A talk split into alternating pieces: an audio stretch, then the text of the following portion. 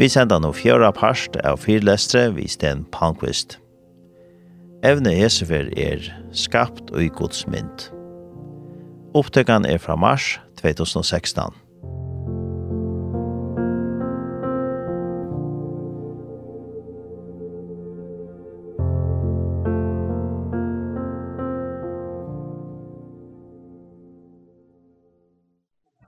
er dejligt at se nogle af jer igen, at jeg ikke sådan har skræmt jer væk de første par gange. Vi skal lige bede. Kære Gud og far i himlen, så er vi her foran dig, her magtesløse og hjælpeløse.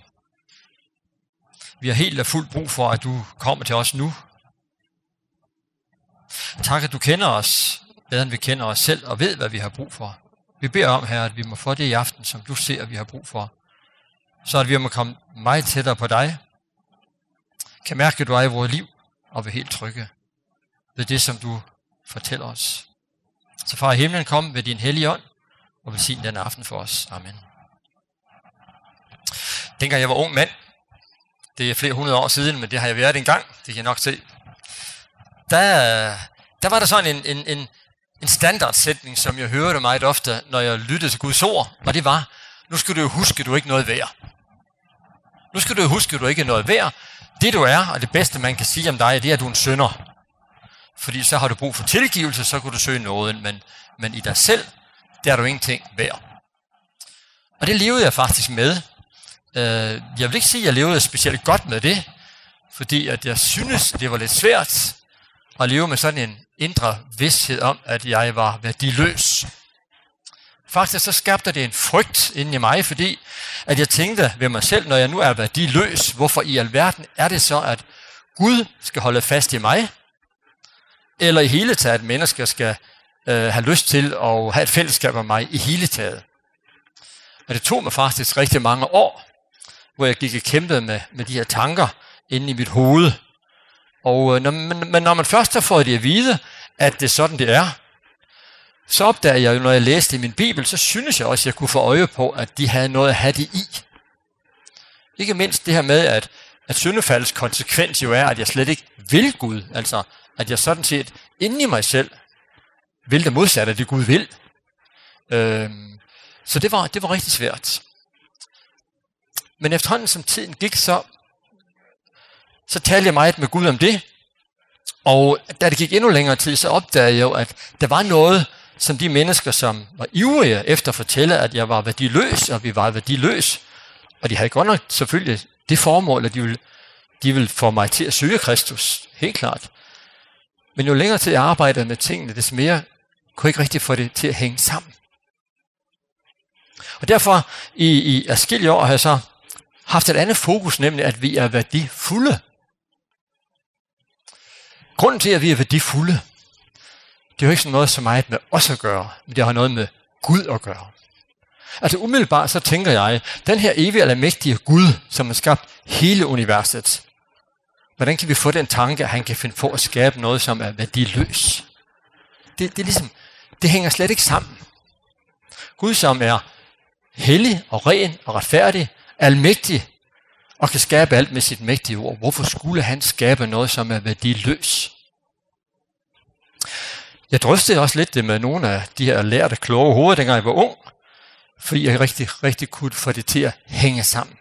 Men så fik jeg at vide, ja, du skal jo regne med, fordi du er en synder, og du får den tanke, at du er værdifuld, så bliver du bare selvoptaget. Og så ender du et sted, hvor du kan klare dig selv, fordi du har jo øh, en tro på, at du er værdifuld. Hvad skal du så med Gud og med Kristus? Men det hænger ikke rigtig sammen. Og det vi kan gøre, det er, at vi kan gå ind og sige, hvad siger Gud så om det her, og være værdifuld. Øh, og det er det, vi skal prøve at se noget mere på øh, i aften. Jeg har også kunne konstatere, at hvis vi føler os værdiløse, så lider vi. Så kommer vi til at lide rigtig meget. Det er faktisk sådan, at hvis du sidder her i aften og føler dig værdiløs, så vil du have meget svært ved at høre Guds ord, end hvis du føler dig værdifuld. Det er som om, at det strider inden i os at skulle være værdiløse. Og det er svært for os, at vi bliver ked af det, når vi er værdiløse, og så bruger vi energi på det. Og det betyder, at vi faktisk ikke er helt så gode til at lytte til Guds ord og få fat i, hvad han egentlig siger til os. Men hvis, hvis vi derimod er værdifulde og føler os værdifulde, oplever det sandt, så sidder vi meget mere og kan lukke op for alt det, som Gud nu gerne vil, vil sige til os. Noget andet er, at det er faktisk et must for os at føle os værdifulde. Og hvis vi ikke føler os værdifulde, så går vi hen og gør os betydningsfulde i stedet for. Vi kan ikke leve uden. Det skal vi se meget mere på. Hvad er forskellen? Fordi det giver den samme følelse, om jeg føler mig værdifuld eller betydningsfuld. Og alligevel er der kæmpe forskel på det. Kæmpe forskel. Så det her, det er jo ikke noget, som jeg bare lige har fundet på, det her med, at vi er skabt værdifulde. Bibelen fortæller det jo med al tydelighed. Når vi går ind og læser 1. Mosebog 1.26, så står det, Gud sagde, lad os skabe mennesket i vort billede, så de ligner os. Som jeg nævnte i går, når vi får en lille ny verdensborger, og det kan være et barnebarn for eksempel, noget af det første, vi spejler efter, det er jo, at vi kan se vores træk i det lille ansigt. Og så glædes vi også, fordi så er det jo en del af vores DNA. Når far og mor de får et lille ny, så spejler de også efter. Er det når far eller mor, som de ligner? Og når vi får øje på de her træk, om det er da vist din næse, eller ah, det er måske ikke så heldigt, men så i hvert fald dine øjne og så videre, så glæder vi os. Det er ligesom en bekræftelse på, de her, de ligner os, derfor er de en del af os. Og når Gud han siger, lad os skabe mennesket i vort billede, så de ligner os. Så vil han have dig og mig til at forstå, at du er ikke en tilfældighed.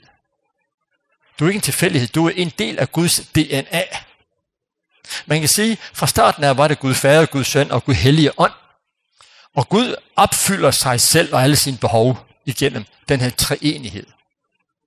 Men nu har han ligesom valgt at sige, nu er det Gud Fader, Gud Søn og Gud Helligånd og mennesket. Det er som om, vi bliver lukket ind i den her triklang.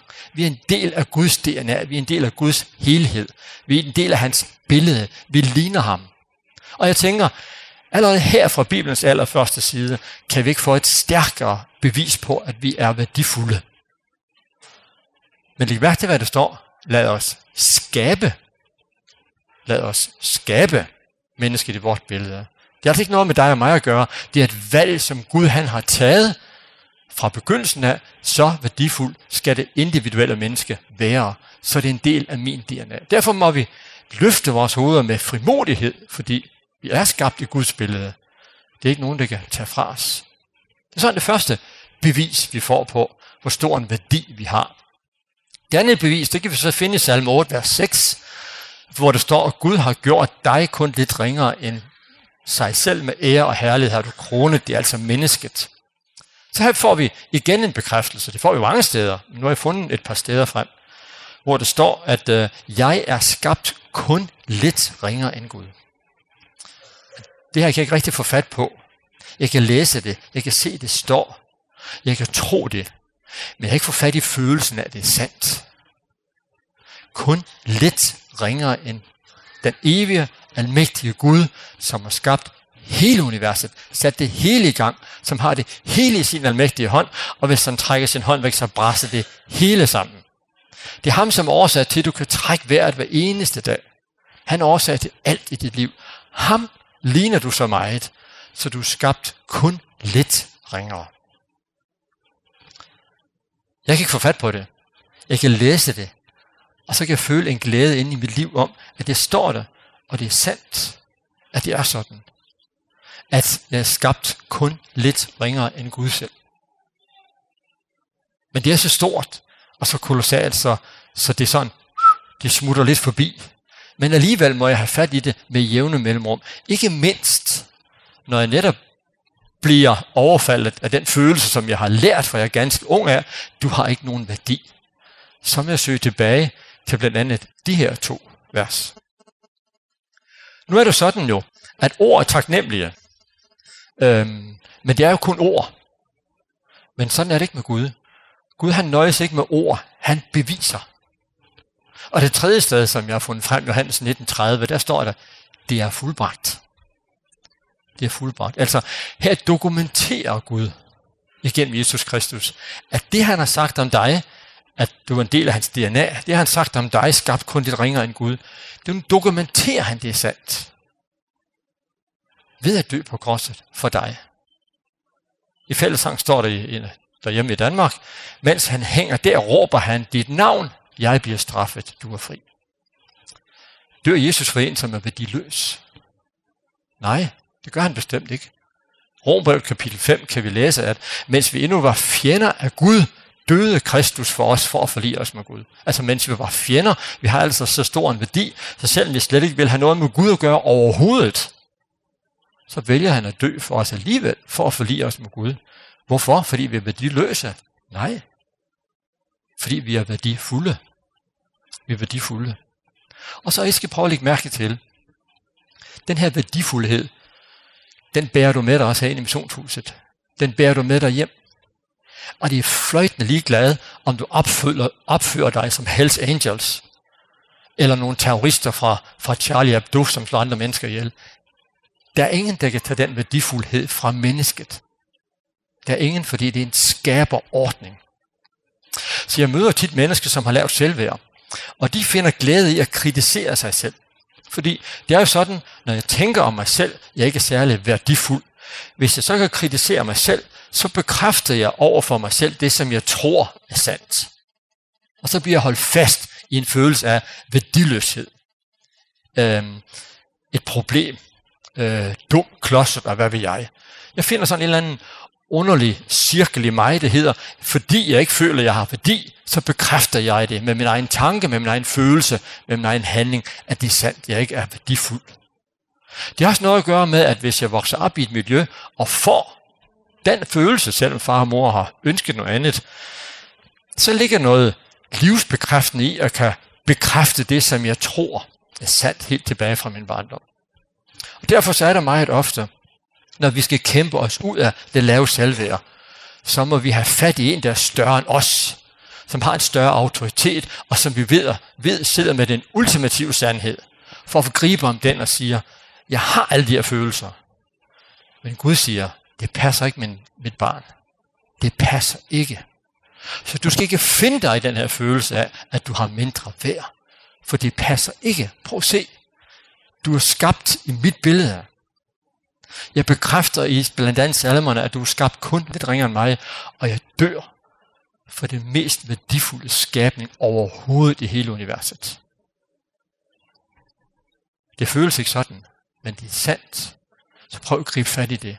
Derfor er det mange gange lettere, når jeg får kristne med lav selvværd i terapi, for de har den her sandhed inde i dem, nemlig Guds ord, og jeg kan sige, så vil jeg gribe om det og holde det fast, selvom mine følelser fortæller mig noget andet. Men en, som ikke tror på Jesus, har ikke den her værdi. De har ikke troen at kan gribe om, derfor er det langt sværere at kæmpe med sit lave selvværd i sådan en sammenhæng. Og det er jo en af grundene til, at det er helt vidunderligt fantastisk at tro på Gud. For han er travlt optaget at fortælle mennesker, hvor værdifulde de er. Ja, så værdifulde, så han ville dø. Og det skal vi snart fejre. Det er snart påske. Og det er helt fantastisk. Men det er noget, som er skabt uden for dig. Ikke noget, som du har gjort dig fortjent til. Og så er det sådan, at det som vi er, Og det, som vi tror, vi er, det har vi brug for at få bekræftet.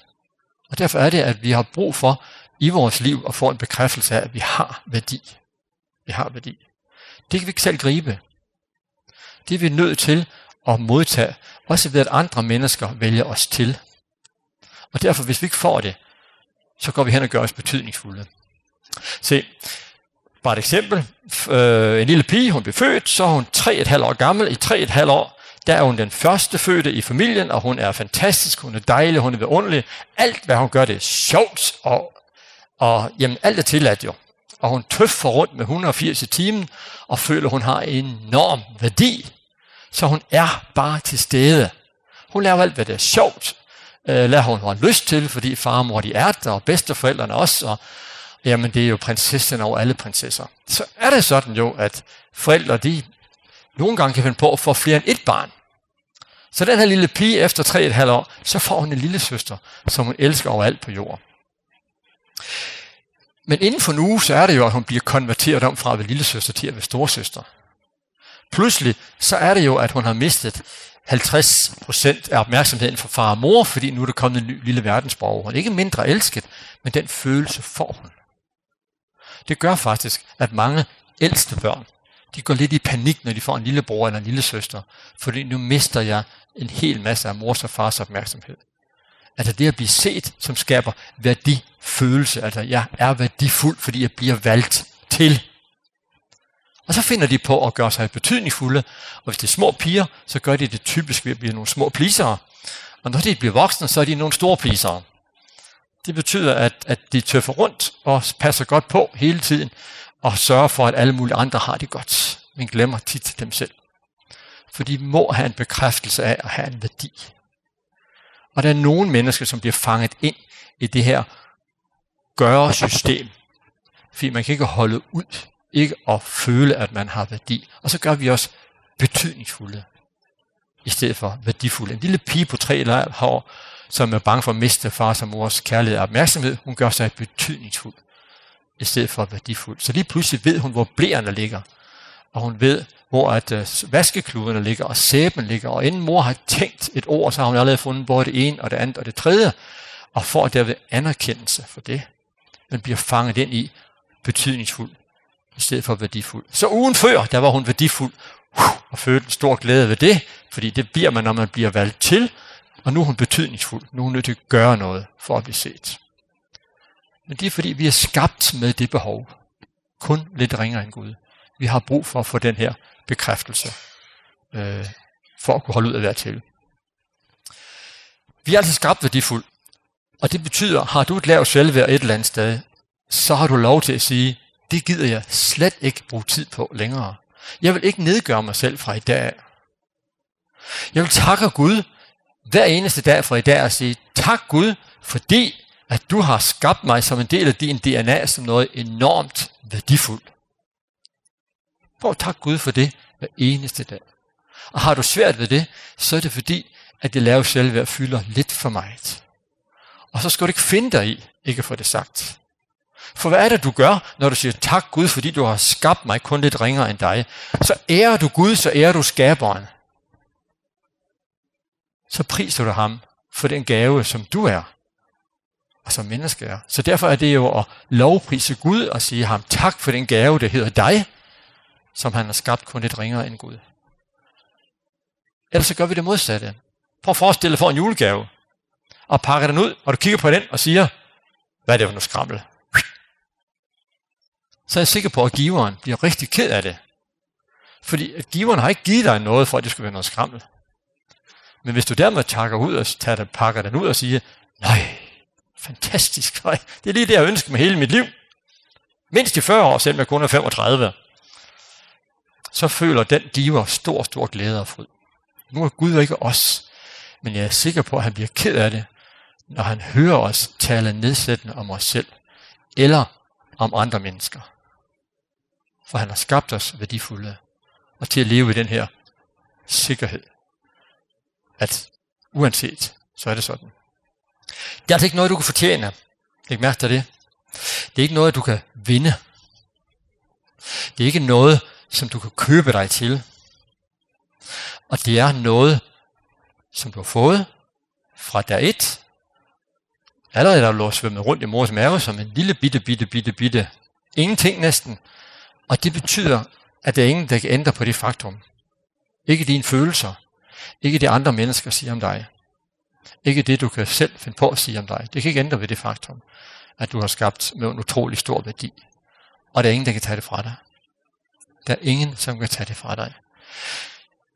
Jeg er helt sikker på, at hvis du får noget, som har meget, meget stor værdi af et andet menneske, så er jeg helt sikker på, at du vil takke det menneske helt vildt, fordi at det har så stor en værdi. Det er helt sikker på. Men vi har så svært ved det, når det drejer sig om dig og mig, og takker Gud for den her enorme værdi. Men det er så livsbekræftende at gøre det, og vi priser Gud for det. Og samtidig med, så spreder vi glæde rundt omkring os, sådan som Gud også vil, at vi skal, vi skal gøre i, i, igennem det her. Og det, der er så fantastisk, det er, at jeg kan gøre det med frimodighed, for det har nemlig ikke noget med mig at gøre. Det har kun noget med min skaber at gøre. Det er ham alene, der har æren for det hele. Fuldstændig. Han har ikke æren for det skram, jeg laver, men har æren for det skaberværk, han har gjort mig til at være. Og uanset jeg laver noget skrammel, så har jeg den værdi. Så har jeg den værdi. Og derfor synes jeg, at vi skal bruge tid på at takke ham, for det er sandt. Og det vil han glæde sig over. Det er helt sikker på. Se, vi forholder os til livet ud fra et grundlivsvilkår. det er det her værdifuldt. Det har du sikkert ikke tænkt så meget på, øh, fordi vi lever jo bare livet. Men hvis det går op for os, at vi har en værdi i, i os selv, så bliver livet lettere på mange, mange måder. Uden at vi har en følelse af at have værdi, så går vi til grunde. Så et lille barn, der blev født, hvis ikke det får en følelse af, at det har værdi inden for de første tre uger af dets liv, så bliver det psykisk syg resten af sit liv. Altså tre uger, så har det taget skade resten af sit liv. Altså det er født, det skabte Gud med så stort det behov for at få bekræftet sin værdifølelse. Et barn, som er 4, 5, 6 år gammel, som, som, som uh, har en, en, en uh, oplevelse af at have værdi, det lever glad og fri. I Danmark har man lavet undersøgelser, der viser, at når børn kommer i 0. klasse, så har mellem 80 og 90 procent af dem en, et højt selvværd. Det vil sige, at de har en iboende stærk følelse af at have værdi. Når man møder dem i 5. klasse, så er det kun 20 procent tilbage, som tror, de har værdi. Det vil sige, at i mødet med livet, så fuser den her værdifølelse ud af dem, øh, det kan de ikke leve med, derfor gør de sig betydningsfulde i stedet for. Fordi vi må have den her bekræftelse. Så grundlaget for at vi søger tætte relationer, det er også for at få den her værdifølelse. Jeg kan huske dengang min kone blev forelsket i mig, det er også mange år siden, jeg kan bare huske, at jeg havde sådan en, et par år eller tre, hvor jeg var usårlig. Det var sådan set lige meget, hvad, hvad andre de kunne finde på at sige til mig, for pyt med det, jo, jo værdifuld, fordi at når en så smuk en kvinde, hun kunne finde på at vælge mig til, så må jeg jo altså have en eller anden form for værdi. Så det var lige meget, om der stod minus på kontoen, eller jeg fik dårlige karakterer, eller der var nogen, der var sure på mig. For jeg havde sådan en udgang, det hed, min kone, jeg har valgt til, helt fantastisk. Og det er jo et af de steder, hvor vi får en følelse af værdi. Det er, når et menneske vælger os til. Derfor har Gud givet dig nogle særlige muligheder for trivsel hos andre mennesker. For hver gang du går hen og spørger til et andet menneske, giver det en lille klem, eller en knus, eller nærværende, så skaber du den her følelse af at blive valgt til værdifuldhed. Det er præcis det Gud han gør i sit ord igen og igen og igen. I påsken, jeg bliver det helt euforisk i påsken, fordi her bliver jeg mindet om, hvordan Kristus har valgt mig til betingelsesløst. Dør på et kors. Jeg har ikke gjort noget for det. Jo, man kan sige, at jeg er selv skyld i det. Men det at blive valgt til, uden man har gjort noget for det, det er helt specielt. Jeg sad i min kirke en dag, og øh, ventede på, at jeg skulle til alders. Og så var der pludselig en, som lagde hånden på skulderen af mig, og gav mig en lille klem. Og jeg kiggede op, og det var en af mine rigtig gode venner. Øh, og fik lige et smil samtidig med. Og øh, så blev jeg fyldt sådan af en varm glæde i hele mit liv, hele min krop fysisk varm glæde. Hvorfor det? Fordi det var en, som valgte mig til. Det han ikke behøvet, han kunne bare gå forbi, det gjorde han. Og det skabte glæde. Så hver gang du vælger et andet menneske til, uden det har gjort sig fortjent til det, så skaber du den her glæde i det her menneske, den her værdifølelse. Og det er den, vi ser oplever, når at vi er forelskede. Den kan vi også opleve, når vi har været gift i 42 år. Det, det kan vi. Når jeg skal tidligt på arbejde, og min kone hun står op og drikker morgenkaffe sammen med mig, selvom hun ikke behøver det, så føler jeg en varme og en glæde i mig. Nu bliver jeg valgt til. Hun kan ligge og snorke og drømme sødt om sin svigermor øh, i to timer mere. Det kunne hun, ja, hvis det nu var det. Det kan være, det er derfor, hun står op. Øh, men nu valgte hun så at stå op, i stedet for at være sammen med mig. Og det skaber sådan en glæde. Jeg bliver valgt til værdifuldt. Se, noget af det, som er helt vidunderligt ved at læse i Bibelen, det er, at det her det sker igen og igen og igen og igen. Når Gud i sit ord siger til dig, jeg ser dig, jeg hører dig, jeg elsker dig, du har stor værdi, jeg døde for dig, jeg opstod igen. Hvorfor? Bare fordi jeg har valgt det. Så får jeg den her bekræftelse på min store værdi. Og den skaber glæde. Og hvad gør glæde ved dig og mig? det skaber overskud. Det overskud, det gør, at vi er aktiv i kirke og menigheder i mødet med andre mennesker. Har jeg dermed lavt selvværd? Fordi jeg ikke tager det her til mig, fordi jeg ikke formår at tro på det, så bliver jeg hjemme i min egen hule og gemmer mig. Så kommer jeg i hvert fald ikke til at gøre noget forkert. Men Gud kalder dig frem. Gud kalder dig frem til noget helt andet. Vi har brug for det her. Værdifuldhedsfølelse. Lad os takke Gud for, at det er sandt. Værdifuldhed, det er der, hvor Gud han lander og skaber nogle helt specielle ting. Derfor er bøn og Bibel så vigtig, så Gud må få lov til at lande der hver eneste dag, og give mig tryghed og overskud. Den her oplevelse af at være betingelsesløst elsket, som jeg vil leve af i hele hver eneste dag. Og mangel for værdifulden for os til at vælge surrogat, så gør jeg mig betydningsfuld. Så jeg har arbejdet 60 timer om ugen engang, nogle gange 70. Øh, I et kristen kontekst, det var der ansat i som børnekonsulent. Øh, min frue, hun sagde en gang imellem, er du sikker på, at du kan arbejde for mig? Sagde, nej, nej, nej, nej, niks, fordi du kunne nok se, at der var så mange mennesker, der skulle nås, så derfra, bum, så opdagede jeg faktisk, det tog lang tid, efter 10-15 år måske, at øh, når jeg arbejdede 60-70 timer om ugen, så var det fordi, jeg følte mig værdiløs, og var nødt til at gøre mig betydningsfuld for ikke at Gud han skulle forlade mig. Men det tog lang tid for mig, for det lå i mit baghoved, at du ikke noget værd. Derfor er du nødt til at arbejde 60-70 timer om ugen, for at ligesom bevise, at du er lidt værd. For at angsten for, at Gud ikke skulle forlade mig, den ikke kom til at fylde for mig. Det tog mange år for mig at opdage, at det var det, at det var for min egen skyld, jeg arbejdede 60-70 timer, og ikke for Guds skyld.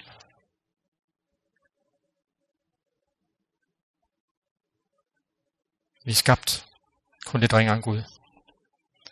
Og derfor er betydningsfuld i den kontekst ikke noget, vi kan bruge til så meget. Den gør os afhængige. Det er ikke sådan, at vi ikke må bruge betydningsfuldheden, men det er ikke der, friheden den er. Betydningsfuld, det er noget, jeg gør. Og det er noget, jeg er nødt til at blive ved med at gøre resten af mit liv. Hvis jeg skal blive ved med at have den her værdi, værdifølelse, det er noget, jeg er. Og som skabes i mødet med et andet menneske, det vælger mig til. Og som skabes, fordi Gud vælger mig til.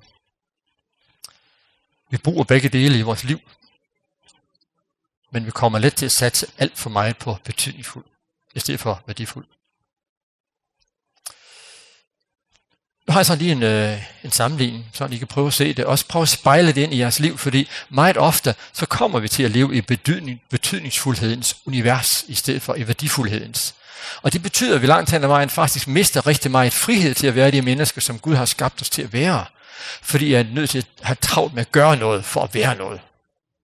Værdifuld, det er altså noget, jeg er. Betydningsfuld, det er noget, jeg kan, og det er noget, jeg gør.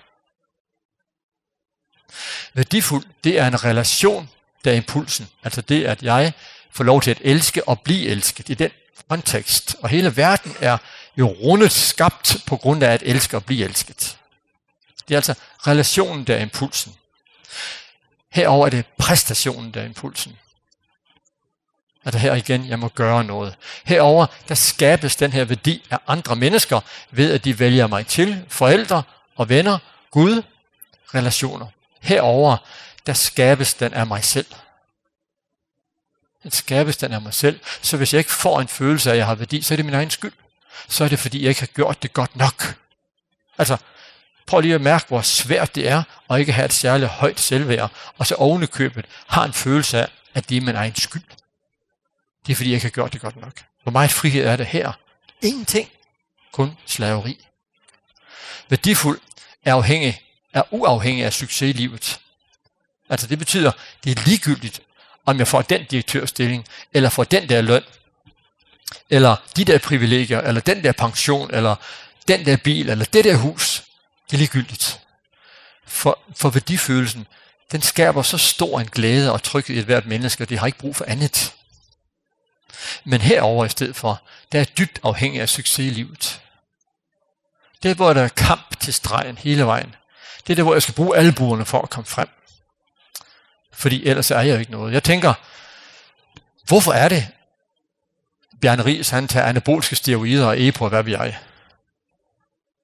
Det gør han, fordi han færdes kun herover i det felt, der hedder, jeg kan, jeg skal og jeg bør. Ellers er jeg ingenting. Så hver gang vi ser en eller anden topidrætsmand, som yder sit bedste, og som er ved at gå op i limning, hvis han mangler et tusinddel sekund, så kan I roligt give jer til at bede for det menneske, for de har så lavt det selvværd, at det ikke kan holde sig selv ud. Det er nødt til at præstere og præstere og præstere for at være noget som helst. De er ikke frie overhovedet. De kæmper for at få lov til at eksistere. Hvorfor bliver man et magtmenneske? Det gør man, fordi man føler sig totalt værdiløs, så man er nødt til at lukke alt ned af følelser, og så kæmper der helt op i toppen. Så får jeg lov til at eksistere. Herover der leves det ud i et frit fællesskab med plads til forskellighed. Det gør ikke noget, du er anderledes end mig. Det gør ikke noget, du er mærkelig. Altså, Øh, det gør ikke noget, at du er blevet gift med en, en eller anden mærkelig person. ja, man siger jo krav, søger mage, men, øh, men det gør ikke noget. Her opdager man, at forskellighed er spændende. Nej, synes du, det er spændende? Ja, det fatter jeg godt nok ikke noget som helst af. Men prøv at fortælle lidt om, hvorfor du synes det. At der er ingen, der er ingen konkurrence. Der er ingen konkurrence. Fordi du er så for stor en værdi, så hvorfor i verden skal du konkurrere med at være mere, når du er nok? Men herover på den anden side, der leves det ud i et betinget fællesskab. Hvis du ikke forstår det, jeg forstår, så er der noget galt med dig. Hvis du ikke har den samme mening som mig, så er der nok nogen af os, som lidt galt om og altså her er der kamp til stregen. Her er der ikke plads til forskellighed. Og hvis det er sådan, at du er forskellig for mig, så ruller jeg om øjnene og ryster på hovedet. Hold da fast. Ja, men han er også en færing, så det kan han nok ikke gøre for. Altså, kamp til stregen. Herover der er det modgift mod ensomheden. Men herover der bliver det let årsag til ensomheden. Fordi hvis det jeg gør, det mislykkes, så er ingenting. Igen Bjarne Ries. Jeg kan huske, nej, jeg tror, han fik en 9. plads. Startede med at få en 9. plads, og så, så, så var alle, alle, hele dagspressen, de svømmede over. Ja, yeah, han har fået en 9. plads, fantastisk succes. Så fik han en første plads wow, wow, wow, og så tredje år, der fik han fjerdeplads. Kæmpe fiasko, skrev de. Kæmpe fiasko. Han kom på en fjerdeplads. Hvad skylder det? Det er da hans egen. Han kunne da bare have taget noget mere epo. Det kunne han da bare. Så var han kommet i mål. Før alle de andre. Jeg er helt sikker på, at han sidder med den følelse, det er hans egen skyld. Herover der, der forøges værdifuldheden igennem livet. Det er jo også sådan, at hvis man bliver valgt til, så når du forlader det sted, hvor du er valgt til, så bliver følelsen ved med at sidde i kroppen af dig. Dagevis i ugevis. Jeg kan huske igen, da jeg var forelsket i min kone, jeg var sådan, uh, helt fantastisk, så sagde jeg, kedet mig, mens jeg var på efteruddannelse, for jeg synes det var lidt kedeligt, men følelsen af at have værdi var der stadigvæk. Og hvis det var en lille bitte smule usikker, så lukkede jeg bare hånden op for her, jeg skrev om Karin. Det var også rigtigt. Det var da jo helt fantastisk. Altså med kuglepen, så det ikke sådan lige gik ud med det samme. Altså værdifuldhedsfølelsen, den følger med. I troen på Kristus, der får en følgesvend, det hedder, elsket betingelsesløst, værdifuld, uanset om det lykkes for dig, det du har gang i, eller det mislykkes. Du kan rejse dig op, hvis du falder, børste støvet af dine ben og arme, hvad, hvad, hvad jeg, men har den samme følelse af værdi, fordi succeskriteriet i livet, Det er tro. Det er tro. Og hvem giver dig den? Det giver Gud. Kvitt og frit er der, som beder ham om det. Hvorfor det? Fordi han har valgt, at vi elsker elske dig betingelsesløst, fordi du er fantastisk.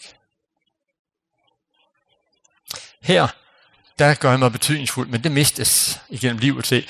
Dengang jeg har løbet, jeg har løbet, ja, ikke stukket af, men løbet, øh, og så øh, var jeg god til det, og så da min søn han blev sådan lidt ældre, så, så ville jeg invitere ham med på løbetur, og, øh, og jeg var jo lidt større end ham, så, så vi løb om kap, og jeg vandt.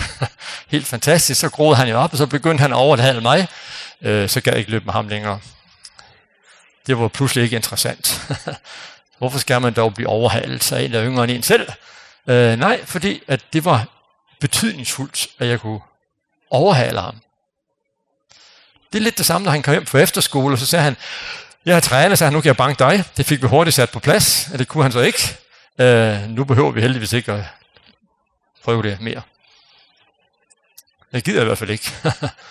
Nej, sæt nu, jeg går hen og taber. Det kunne jeg være. Det har noget med betydningsfuld at gøre, og ikke værdifuld. Herover der er det afslappethed, glæde, tryghed, overskud. En fryd at møde mennesker, som er anderledes end dig. For de er ikke troende, nogen af dem. De har jo Gud skabt lige så værdifuldt som dig. Herover der er stress på. Der er der stress på. Jeg er nødt til at arbejde 60 timer om ugen. Eller 70. Fordi jeg skal bevise, at jeg er noget. Herover der har det ikke høj kurs i samfundet. Det har det ikke. Det har det herover, Men kun så længe du præsterer. Jeg vil i Barcelona øh, for nogle år siden og, og øh, kom ned i kælderen, og der hænger alle billederne af alle de her fantastiske spillere, Messi og hvad vi er i den tid. Øh, og så stod vi her, vi er sådan fem mænd, der tager på tur en gang om året, og det år var det så, det skal bare være billigt, og vi har fundet en Ryanair-billet, der må man ikke flyve med, men alligevel 400 kroner for en retur, øh, øh, inklusiv vores lomteklæder. Og så kom vi der ned og kiggede på alle de her, og så kom vi til at tale om, Hvor lang tid hænger Messi på væggen der? Jamen han er ingenting. Det er klubben, der er guden. Han er ingenting. Så længe han yder det, som guden ønsker, så hænger han på væggen. Når han ikke scorer nok, så bliver han pillet ned. Så bliver han pillet ned, så er han ikke noget værd. Så længe jeg præsterer, det er høj kurs. Når jeg ikke præsterer længere, ud af lemmen, så er jeg værdiløs. Så vi har så meget at give til mennesker. Så meget at give til mennesker. Herover der får jeg tilpas omsorg. Øh, herover der kommer det ofte mangel på omsorg. Så kan du genkende dig selv. Og hvor kan du genkende dig selv? Fordi er du for meget herover, så mister du rigtig meget glæde i dit liv. Det er heller ikke der, Gud han ønsker, at du skal færdes og finde din værdi. Han ønsker, at du skal færdes herover Her har han skabt et rum til dig, for at skabe glæde i dig. Se, alle os, som har fået børn, vi ved, at vi er vildt meget optaget af deres trivsel. Øh, vildt meget optaget af deres trivsel. Vi er Guds børn. Han er vildt meget optaget af vores trivsel. Derfor vil han skabe det rum til dig og siger, hør her min skat, prøv at lænde dig tilbage og prøv at høre og mærke, at du er værdifuld det her det er en kontinuerlig følelse. Den forsvinder ikke, den bliver nærmest større, jo ældre vi bliver. Det er sådan, jeg tror, det er helliggørelse. I hvert fald for mit eget vedkommende, så er det som om, jo ældre jeg er blæen, des mere har jeg brug for at takke Gud for hans skaberværk, øh, og fordi hans ord er sandt. Det er som om, det fylder mere og mere og mere i mit liv. Jeg bliver også mere og mere opmærksom på min synd i mit liv, men, men taknemmeligheden over, at jeg er tilgivet, den vokser og vokser og vokser. Det er lidt som om, at den her følelse af værdi, den vokser Og det tror jeg, den gør, når vi søger Gud. Det tror jeg, den gør, når vi søger Gud. Herover der forsvinder den til sidst. Fordi når jeg sidder der øh, og er pensionist og ikke længere yder til samfundet, så vi er vel, men kun er til en belastning, hvad har jeg så tilbage at tilbyde? Der er nogen, der går i panik jo. Jeg ved jo selvfølgelig ikke hvorfor, men hvorfor er det Mærsk med Kine Møller, han er nødt til at blive ved til bestyrelsesmøder, til han er 96 år gammel? Spørger du mig, så tænker jeg, at han er bange for ikke at være noget. Til trods for, at han har skabt et imperium. Se, øhm, der er ligesom en fordelingsnøgle her til sidst, vil jeg lige sige. Det er, det er som om, at der er 100 enheder at, at blande her, værdifuld og betydningsfuld.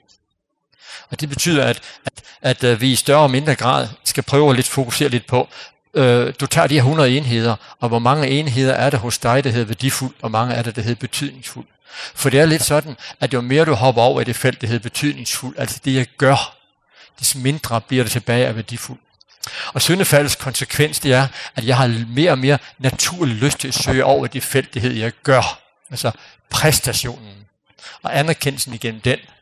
Og det er lidt som om, at jo mere jeg hopper herover og bliver optaget af den præstation, desto mindre bliver det tilbage af værdifuldheden. Så derfor er det noget med, at vi skal prøve at være opmærksom i vores liv. Hvad er det, vi satser på? Hvad er det, vi satser på? Satser vi på det, som vi er? Eller satser vi på det, vi gør? Og det naturligste for os er at satse på det, vi gør. Børn er ikke ret store, hvor de siger, synes ikke, jeg er dygtig, mor? Jeg har tisset på potten. Jo, du er simpelthen en stor dreng. Det er helt fantastisk. Og sådan begynder vi sådan fra starten, at vi går måske op i karakterer og den slags ting. At øh, hvor meget fik du i karakteren. Så til det ligger sådan i vores DNA, at det er præstationen. Men jo mere vi satser på det, desto mindre plads bliver det til den følelse, som er varig, værdifuldheden. Derfor skal vi prøve at være opmærksom på, og du skal prøve at være opmærksom på, hvad fylder mest i dit liv. Værdifuldheden, den skaber større og større glæde og frihed. Betydningsfuldheden, den gør dig mere og mere anspændt. På et eller andet tidspunkt. Så jo mere værdifuld, des mindre betydningsfuld og omvendt. Og så er det jo, det gode i det her, det er, at, at vi har faktisk en mulighed for selv at gøre noget her. Vi har faktisk en mulighed for at gøre noget her. Du har en mulighed for at have dit fokus på det, som du er, i stedet for på fokus på det, du gør. Det har vi en mulighed for. Gud har givet os en vis evne til at reflektere imellem de her to sider og gøre sig opmærksom på, hvor er det, jeg ligger min krudt og min energi. Så når livet gør ondt, så trøster vi os ofte via betydningsfuld. Se, min søn han kom hjem en dag fra skole og sagde, at jeg gider ikke gå i skole, fordi at, øh, der er ikke nogen, der gider lege med ham. Lege med mig, siger han så har jeg mulighed for at gøre ham betydningsfuld eller værdifuld. Gør jeg ham betydningsfuld, så siger jeg, prøv at høre her, min dreng, selvfølgelig er der nogen, der gider lege med dig. Kan du ikke huske sidste uge, der kom både Kurt og Børge og Søren Tavle, Gunnar Palle og og Bo Bjørn Jørgen, jeg siger ikke for at lege med dig. Kan du ikke huske det? Og så vil han sige, Nå ja, det er også rigtigt. Og så vil han gå ind på sit værelse igen, og så, og så tænker jeg, nu fik han hjælp. Nej, jeg gjorde ham betydningsfuld. Jeg gør ham betydningsfuld. Hvor lang tid var det? Indtil han kommer hjem i morgen, så er det stadigvæk ingen, der gider lege med ham. Men jeg kan gøre ham værdifuld også, og det kan jeg gøre ved at møde ham der, hvor han er, og sige, er der ingen, der gider lege med dig? Nej, siger han, det er der ikke. Så siger jeg til ham, så kan jeg godt forstå, at du ikke gider at gå i skole. Det gad jeg heller ikke. Nej, siger han, siger, jeg skal ikke i skole på mandag. Det kommenterer jeg så ikke på. Så siger jeg til ham, hvem er det, som ikke gider at lege med dig? Og det var så Kurt, og så snakkede vi om Kurt, og at Kurt var dum, og hvad vi jeg. Og så da vi er færdige med at tale om Kurt, så siger han, hvem andre gider ikke lege med dig? Det kunne han ikke lige huske, men nu skulle han også lige op og spille lidt computer. Nu gør jeg ham værdifuld, for jeg møder ham der, hvor han er. Nemlig, der er ingen, der gider lege med mig, og det gør ondt. Når du møder et menneske, for hvem livet gør ondt, og optager at møde det menneske der, og spørger sig det menneske der, så skaber du værdifuldhedsfølelse i det menneske. Men den anden ting, som også er fantastisk, det er, du skaber også værdifuldhedsfølelse i dig selv. Det er godt nok når du gør, men i relationen her, at elske og blive elsket, der ligger der næsten kun værdi. Så det du får tilbage ved at yde, spørge til det menneske, det er også værdifølelse. Vi kan vælge i større eller mindre grad, øh, hvad retning vi vil arbejde på. Så vi skal trøste via betydningsfuldheden. Det, nu skal du nok se, når solen begynder at skinne, ah, det er måske en dum eksempel her på færøerne, men så, når det begynder at regne, så skal du se, så skal det nok blive godt igen. Ah, det er nok fint, der bliver solskin i morgen, har jeg hørt. Eller hvad det kan være, at det nu sker. Så jeg var ude og besøge en kvinde, som har fået at vide, at hun har kræft, og hun var døende. Og så går jeg ind og sætter mig ved hende, og så siger jeg til hende, hvordan er det, jeg har fået sådan en besked, øh, at, at du kun har to-tre måneder tilbage at leve i.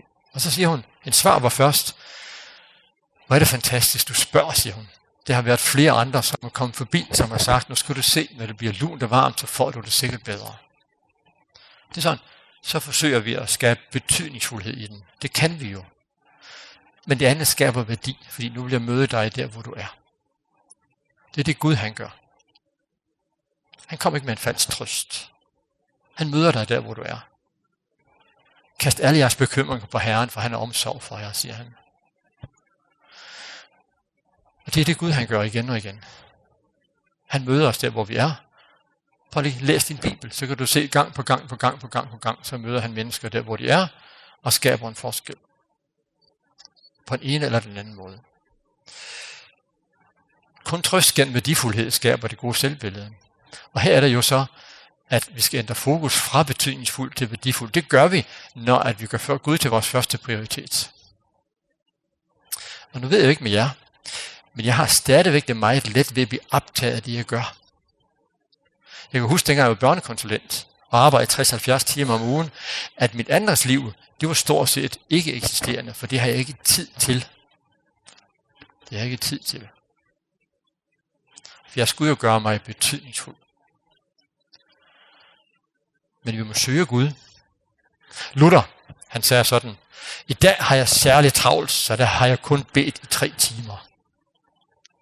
Altså, jo travlere han havde, desto mere var han nødt til at bede for at skære brug. Og noget af det, som jeg drømmer om, som vi kan tage med os også i dag, det er, at jeg må bruge mere tid på mit nærvær sammen med Gud. Jeg må lukke ham mere ind i mit liv, i min dagligdag.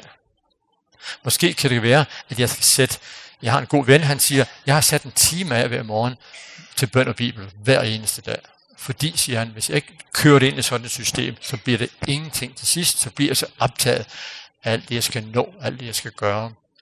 Jeg kender også følelsen, når vi har en bedestund om morgenen der, øh, så tænker jeg også, så, så kommer de her forrædere, om du skal også lige huske det, og du skal også lige nå det, og det der, og så videre, og det der, og så videre. Og pludselig, så kan jeg knap nok nå at bede mit fader, hvor før jeg skal ud og i gang, for det er jo så meget, som er så vigtigt. Nej, det der er vigtigt, det er, at du møder Gud dagligt, ansigt til ansigt. Giv dig en tid. Ikke bare sådan, du kan få lov til at tale til ham, om hvad du kunne tænke dig, men sådan du virkelig kan få lov til at mærke, hvad han taler til dig.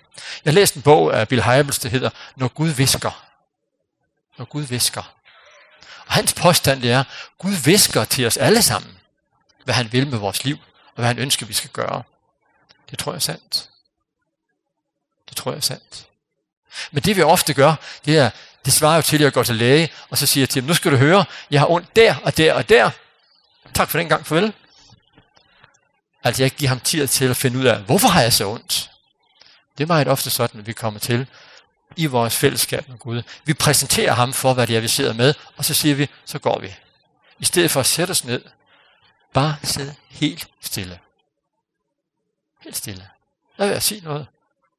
Sid bare helt stille. Og vent på, at Gud han visker til dig. Det vil godt love dig, at det gør han. Han visker til dig. Pludselig så hører du det. Pludselig så hører du det. Det skaber nogle gange enorm tryghed, enorm glæde, en sikkerhed. Hvad det nu kan være, men Gud visker. Og når Gud visker til dig, så visker han også, at du har stor værdi. Og det er en særlig oplevelse at opleve, når Gud visker til os. Så lad os ikke bruge for lidt tid på det. Fordi det er jo her i det her felt, hvor Gud får lov til at viske dig, viske til dig, viske dit navn, at værdifuldhedsfølelsen den vokser og gror og gror og gror, og her er det frihed til at tage de valg i livet, som er dine og som giver mening. Det skaber et godt selvbillede. Det skaber et godt fællesskab, men mest af alt, det skaber et liv med Gud, som i den grad giver mening hele tiden. Og selv når livet det gør ondt. Så vi skal gøre relationen til hinanden og relationen til Gud som første prioritet. Til sidst, hvordan gør vi det? Ved at du skal elske din næste som dig selv. Jeg skal være optaget af min næste, min næstes behov. Og jeg skal være optaget af mit forhold til mig selv og i forhold til Gud. Det er sådan lidt en vej at gå som jeg vandrer midt på vejen, så er jeg der, hvor at der kommer en balance imellem betydningsfuld og værdifuld, som er god. Vi skal bede.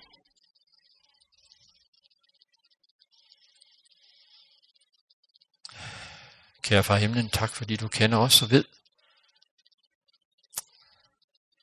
og ved om os her, hvordan at vi let kommer til at præstere, i stedet for at være til stede. Du ved her, at vi ofte har travlt med rigtig mange gørmål, lige fra ægteskab og familieliv til kirke og arbejde. Så det med at sidde stille, og lad os fylde din ånd, her, det er svært for os. Så vi har brug for din hjælp, her. At du hjælper os og vejleder os. Så vi i det stille rum sammen med dig kan få tryghed i livet, også når livet gør ondt. Også når at det gør rigtig ondt, og til synligheden ikke rigtig vil forandre sig. Lad os så sidde stille der og mærke, at midt i det smertefulde, uforanderlige, der er du. Og du græder med den grædende. Og glæder dig med den glade. Så her hjælp os til at stande op og høre, at du visker mit navn. Amen.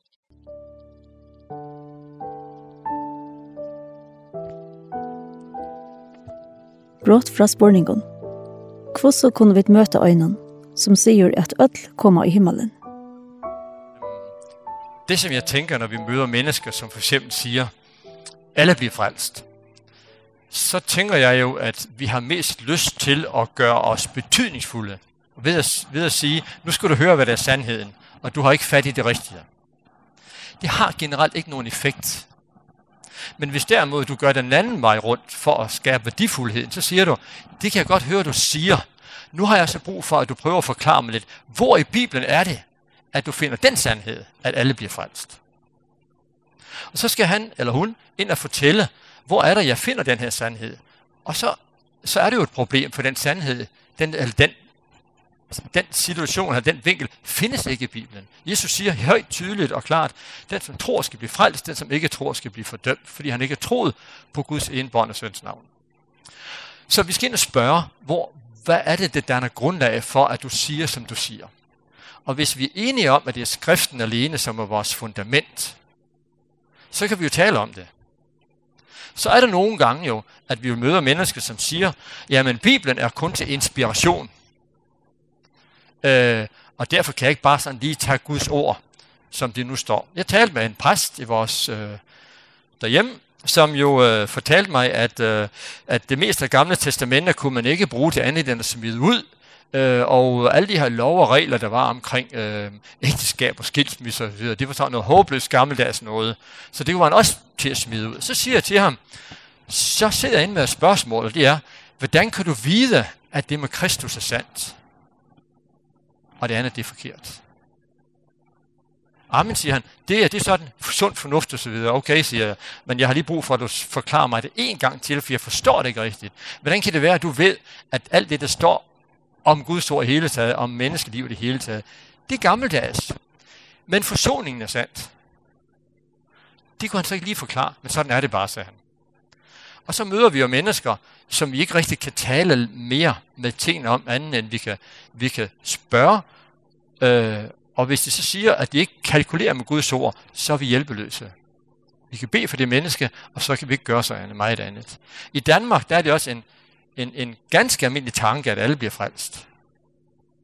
Jeg kan godt forstå tanken, fordi når jeg kigger mig omkring og ser, hvor hjælpeløse vi er, og hvor let vi kommer til at spraller i både det ene og det andet, så kan jeg godt forstå, den tanke. Jeg tænker mere, at det handler ikke så meget om at se vores magtesløshed, men det handler om at se Guds storhed. Og der tror jeg så til gengæld også, at Gud han får nogen med, som jeg ikke troede kom med. Fordi han ser langt dybere, end jeg ser. Ja. Så, øh, så øh, uanset, øh, så må vi spørge, og det vil jeg opfordre alle til, i stedet for at prøve og hoppe over den side der, nu skal du høre, du tager fejl, fordi sådan og sådan og sådan, så sker det ikke andet, end at folk de går i forsvar. Øh, men, øh, men hvis man spørger øh, noget andet, altså spørger, så sker der noget. Jeg fik besøg af Jehovas vidner, som jo øh, fortalte jo, at ja, jøderne, øh, det var dem, som havde slået Jesus ihjel. Så siger jeg til hende, mm, at ja, hvorfor slog Jesus jøderne ihjel? Hvad handler det her om? Øh, og så kommer hun til at sige, det er på grund af menneskers synd. Så siger jeg, er du syndfri? Nej. Og så spørger jeg det en gang til, siger jeg, hvem har slået Jesus ihjel? Og så bliver hun helt vildt forskrækket.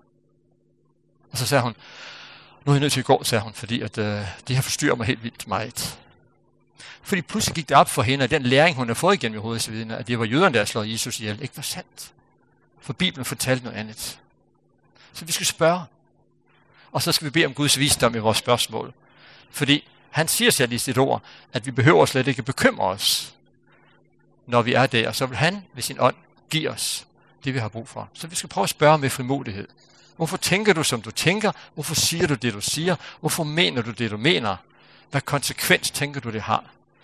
Øh, og i, i Danmark, der er det desværre sådan, at, at Gud i menneskets liv er efterhånden ikke længere en autoritet.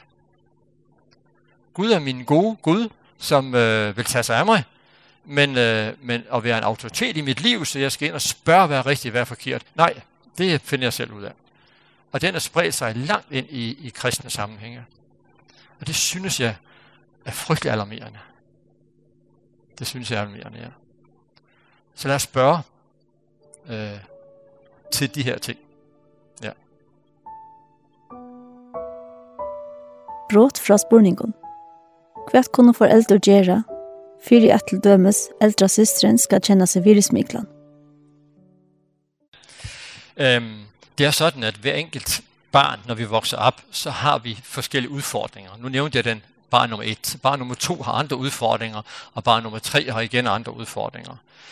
Vi skal prøve jo som forældre at elske vores børn så højt som muligt. Øhm, det vi meget ofte griber til, når sådan en lille pige, hun bliver sådan hjælpsom, det er, at vi roser hende og anerkender hende for hendes hjælpsomhed. Fordi vi vil så gerne, at hun skal have det godt. Og hun skal føle sig godt tilpas. Og så siger vi jo, så siger vi, ja, måske som far, hvad skulle far have gjort uden dig, fordi du var simpelthen så god til at finde blæren og vasketøjet og hvor, hvor det nu er. Og det gør jeg jo, fordi at jeg vil gerne have, at hun skal føle sig elsket. Men det, som jeg ikke så lige var opmærksom på dengang, det er jo, nu, nu sætter jeg fokus på det, hun gør, og ikke på det, hun er. Og derfor skal jeg prøve, så vidt det er muligt, at give hende en følelse af at have værdi øh, uden om det, hun gør. Det vil sige, at jeg skal være ekstra meget opmærksom på at se hende og høre hende og nus hende og klappe hende og kysse hende osv., når hun ikke gør noget. Og når hun så gør noget, så siger jeg bare tak. For et barn er jo klogere end os. Et barn går jo kun efter det, som giver på det. Vi andre, vi kan godt finde på at blive ved og ved og ved, selvom vi ikke giver mening. Det gør et barn ikke. Så hvis ikke det giver mening at søge, øh, eller ja, at være hjælpsom, så, videre, så holder det op igen. Øh, men hvis, og hvis du så får opmærksomheden alligevel. Og det er det, vi skal prøve som forældre, når vi får nummer to. Det er at vide, nu er der altså en lille pige på 3,5 år, som pludselig bliver en stor pige inden for en uge. Og desværre så sker det altså sådan inde i vores hjerner, at vi kan ikke, vi kan ikke, den kan ikke forstå, at jeg stadigvæk har en lille pige. Jeg intellektuelt ved jeg det følelsesmæssigt, så synes jeg, okay, øh, 3450 gram, øh, så pludselig er hun blevet til en kæmpe. Og så reagerer hele min krop, som, som om hun er stor. Men jeg skal vide, at hun skal ses og høres i høj grad, når hun ikke gør sig fortjent. Så hindrer vi i nogen grad, at hun, øh, når hun bliver pliseren. Ja. Det er ikke sikkert, det lykkes fuldt ud. Ja. Og så er det jo, at jeg også skal have jer til at forstå, de af jer, som ikke har hørt mig øh, tidligere, det her med, at, at en del af det at vokse op i et hjem, det er at blive klædt på til denne verden. Og det gør altså, at, øh, at barnet skal simpelthen igennem den her proces, som kan være så svær, som, som handler om øh, ikke at føle sig set i den, den mængde, jeg har brug for, og ikke føle sig valgt til, og så videre, for at lære at håndtere de her følelser, som det vil møde, når de bliver voksne. Men vi skal gøre vores bedste. Og øh, når vi ser vores børn og hører dem, når de ikke har gjort sig fortjent til dem, så bygger vi på værdifuldhedsfølelsen. Og der skal ikke ret meget til. Man siger, at et barn for at udvikle et højt selvværd skal kun have 15 minutters koncentreret opmærksomhed om dagen. Så Gud har skabt dem ret nøjsomme. Ja. Og det er altså, når de ikke har gjort sig fortjent til det. Ja.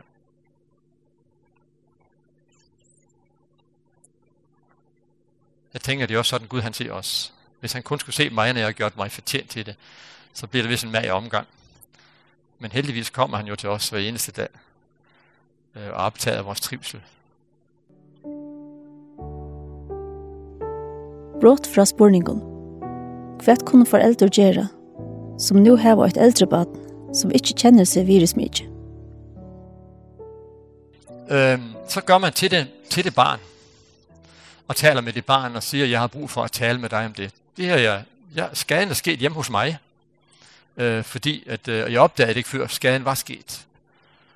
Øh, og så har jeg været nødt til at gå hen til det barn, eller desværre de børn, øh, og fortælle dem, at det var noget, jeg var blevet bevidst om. Og det var, at jeg havde svigtet nogle steder, og jeg kunne nævne nogle steder, hvor jeg svigtede dem, hvor jeg ikke se set dem nok, været mere opmærksom på dem, end jeg skulle være, hvor jeg havde travlt med mit eget i stedet for dem. Øh, og i talesat, at øh, så hvis det er sådan, at de kæmpede noget med deres selvværd, kunne jeg godt forstå det, fordi jeg har ikke været der nok. Og, øh, og så kunne jeg bede dem om tilgivelse, og gjorde det, og spurgte om de kunne tilgive mig. Øh, og det var, ikke, det var ikke et krav, men, øh, men spurgte, om de kunne tilgive mig. At jeg jo kom til at svigte dem nogle steder i deres liv. Og så er det jo heldigvis sådan, at, at børn elsker at have det godt med far og mor. Så jeg fik tilgivelsen med det samme. Øh, som jo selvfølgelig skabte en glæde i mit liv og, og frimodighed til at være den, jeg er. Det betyder ikke, at de bivirkninger, jeg er årsag til, de er væk. De er der stadigvæk. Men det betyder, at når de bivirkninger så dukker op i de voksne barns liv, så ved de, fra min, sin far eller fra sin mor. Det er derfor. Det er ikke, fordi jeg er mærkelig eller dum. Det er fordi, at jeg har bæret en historik med mig, som formaterer for de her følelser. Og så nogle gange kan man hjælpe. Øh, nu arbejder jeg med terapi, så jeg har sagt til mine børn, så hvis de har brug for terapi, så må de jo gå i terapi, så skal jeg nok betale gildet. Det er derfor, jeg er så fattig. Øh, var der mange, der ikke fik brug for. øhm, det kan jeg hjælpe med. Jeg kan også sige til dem, at, øh, og det gjorde vi også dengang, at øh, hvis der er noget, som du har brug for at tale med mig om, hvor du synes, jeg svigte dig, så må du gerne komme. Jeg siger ikke, det er let. Jeg har været nødt til at græde mange tårer, fordi at der var noget, der gjorde ondt i mit barns liv, og jeg vidste godt, at det var mig, der var årsag til det. Men jeg kunne ikke gøre andet end at lytte. Også når de var gået, så måtte jeg gå ind og snakke med Karin, og være ked af det der. Øh, og så var jeg utrolig glad for, at jeg, jeg kunne aflevere hele det her hos Gud. Og ligesom høre ham sige, det ved jeg godt, jeg skal nok tage mig af din søn. Ja. Men det er svært at være forældre. Ja.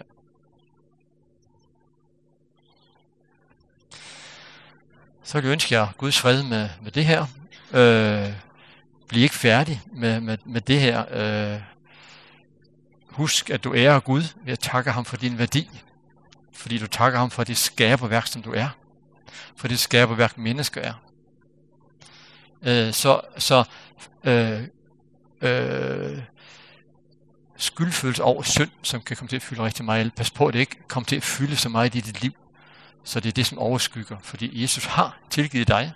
Han har taget din synd og skyld og skam på sig og fjernet den totalt, fuldstændig så er der kun står værdifuldhed tilbage. Og lad os, lad os bruge lidt tid en gang imellem, helst hver dag, og takke ham for det skærperværk, som du er, som er unik, enestående og fantastisk, og ikke mage til i hele verden. I hele verden. Og fordi du er skabt sådan, og ikke udviklet. Fordi det er noget, Gud har skabt i dig, så er det der permanent så lad ham takke, takke ham for det, så du kan få lov til at leve det liv med glæde og fryd, som jeg tror, han gerne vil have, at du skal leve. Så Guds fred øh, og velsignelse over dig og dit liv og din familie. Tak. Ja, vi slutter med at bede.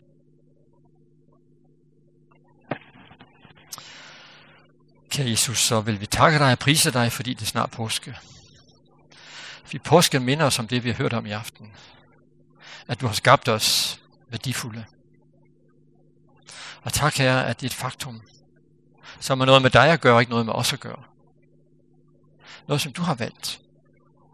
Tak også, at din kærlighed, som er fra evighed til evighed, den er baseret på grund af dit eget navn. Og du netop har baseret din kærlighed på grund af dit eget navn, fordi den skal være fra evighed til evighed. Fordi den kærlighed ikke skal være afhængig af, hvad, hvad vi gør og hvad vi ikke gør men kun er, hvad vi er, netop det, som du har skabt os til at være. Så beder jeg dig for hver eneste menneske, som er her. Jeg beder dig om, at ingen må tage hjem, uden at du har mødt dem. Uden at du har visket deres navn. At de må opdage, at de er opdaget. At de er set. Og at du vil deres liv sammen med dig og sammen med andre mennesker. Her så det kan skabes glæde og fryd og taknemmelighed også. Her som vi må bare få lyst til at lovprise dig dagen lang for det liv, du har givet os, og for det, du er i vores liv. Så Jesus, vi lægger disse mennesker i dine hænder. Tag du, der er ved enkelt af dem. Og hør så, når vi beder med hinanden, den bøn, som du har lært os. Vor far, du som er i himlene, helliget blive dit navn, komme dit rige. Ske din vilje, som